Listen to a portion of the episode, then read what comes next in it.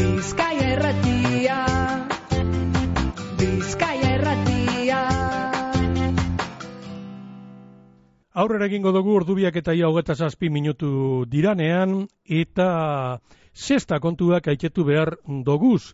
Izan be, Euskolabel Winter Series torneoa, sexta torneoa aurkeztu dabelako gaur Gernikan eta sekulako ikusmina sortu dau hirugarren Euskolabel Winters, eh, Winter torneo honek.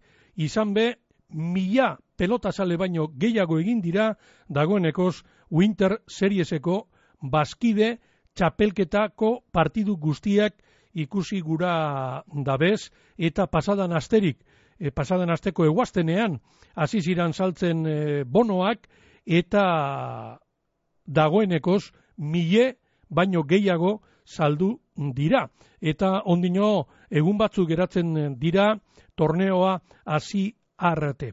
Sortzi bikote lehiatuko dira. Amultzoan, goikoetxea, lekerika. Erik Minbil, goitia baske eta olaran del rio. Eta bemultzoan, Johan López, erkiaga ibarluzea, ladutxe gorka eta pro-am torneoko irabazlea. Eta esan dugu moduan, B multzoan, erkeagak eta Joni Barluseak jokatuko dabe, e, markinako torneoan be bikote izan ziran, eta alkarregaz jokatuko dabe torneo honetan. Esan, lehengo partidua urriko azken astelenean jokatuko dala, bertan goiko etxeak eta lekerikak, erik eta minbilen aurka jokatuko da be. Eta aurreko edizioa gaz alderatuta, ama sei pelotaritik zazpi barriak izango dira. Ia erdiak, Erik Mendizabal, Alex eh, Goitia, Joni Barluzea, Ludovic Ladutz, Gorka Sorosabal eta Proam torneotik urtengo dauen bikotea. Bizar jokatuko dira final erdiak e, Zumaian, Arbek eta Manzik urko lekerika eta salegiren kontra jokatuko dabe eta kosmek eta bailok Gonzalo eta urangaren eh, kontra. E, irabazliek e, finala urriaren hogeta iruan jokatuko dabe eta e, ba, sortzi pelotari edo lau bikote honen arteko lehiako irabazleak ba Winter Seriesa jokatzeko aukerea eukiko dau. Telefonoaren beste aldean e, jo, dogu debutari bat, e, Jon Ibarluzea Markinarra. Jon, eguerdion? Bai, eguerdion. Bueno, suposatzen do, zuretzako posgarria izango dala Winter Seriesen jokatzeko aukeria izatea.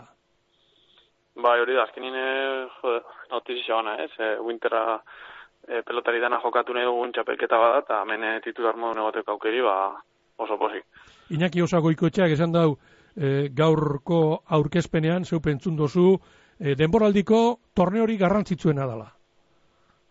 Bai, hola da, ez, azkenin e, e, reperkusio gehien daukezena, e, pelotari alde tipe sorti parejak hartzen da parte, ja esan da aurkezpenin, bez, mila bonotik gora uh -huh. saldutea, sortun ba, bueno, jente asko ikustera, eta hori da, txapelketarik importantien izango da.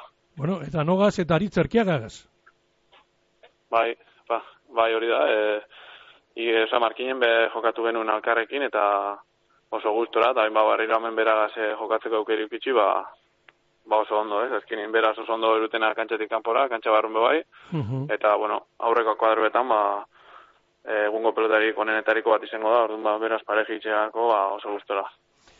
Irugarren ekitaldia da, irugarren edizinoa da, beste bi jokatu dira aurretik, e, oso arrakastatzuak izan dira, eta pelotariek eurek e, goraipatu edo azpimarratu nabarmendu egin e, dabe, zelako plazera dan e, mi eta bosteun bi lagunen aurrean jokatzea, Jon? Bai, hori da, eh, e, dela jairugarren ekitaldi izango da, urtetik urtera gero eta jente gehi atortzen da txapelketa ikusten, eta aurten ba espektazio ebe handixe da ez, ja mi bonotik gora saldute, uh horren edo esan aztelenero ja mi lagunetik gora batuko izela, gehi entradetatik etorriko da beste jente pilo bat, ba, Laserrutze hainbeste jente naurren jokatzi, gaina gernikeko fronteak grada handixe aukor, ba, ba gustora. Jon, presiño, esan gero dut, e, txamponaren bestaldean presiñoa beha agertzen da, ez da? Responsabilidadea? Bai, hori da, azkenin eh, hainbeste jente txapeketa honi begire, eta aritzaz jokatze horrepe, azkenin ba, irabazteko presiño hori bai sortzen dau, Eta, bueno, azkenin ba, hori be, kudeatun biko da, ez? Mhm. Partidu eta partidu kondo juteko. Su- Suposatzen dut, desiatzen egongo zarala, lehengo partidua jokatzeko, hementxe begira nabil, Erkiaga Ibar Luzea, Johan López azaroaren e, zeian, bigarren jardunaldian, eta eh, zer pentsauko dozu hor alboan Imanol López delako atzelari hande bat ikusita? Bai, hori da, ja, desietan e, kantxara sartzeko eta jokatzen hasteko.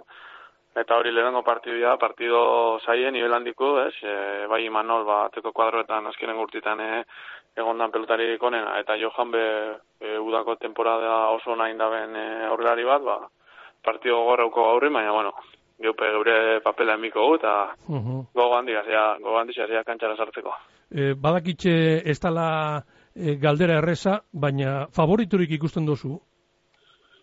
Ba, favorito hori gure grupun, ba, Johan eta López esango neuke, ez? Esatzutena, e, udako denboraldi oso nahi txeti datoz bisek, eta pareja modun, ba, pareja oso gogorrengo dabe.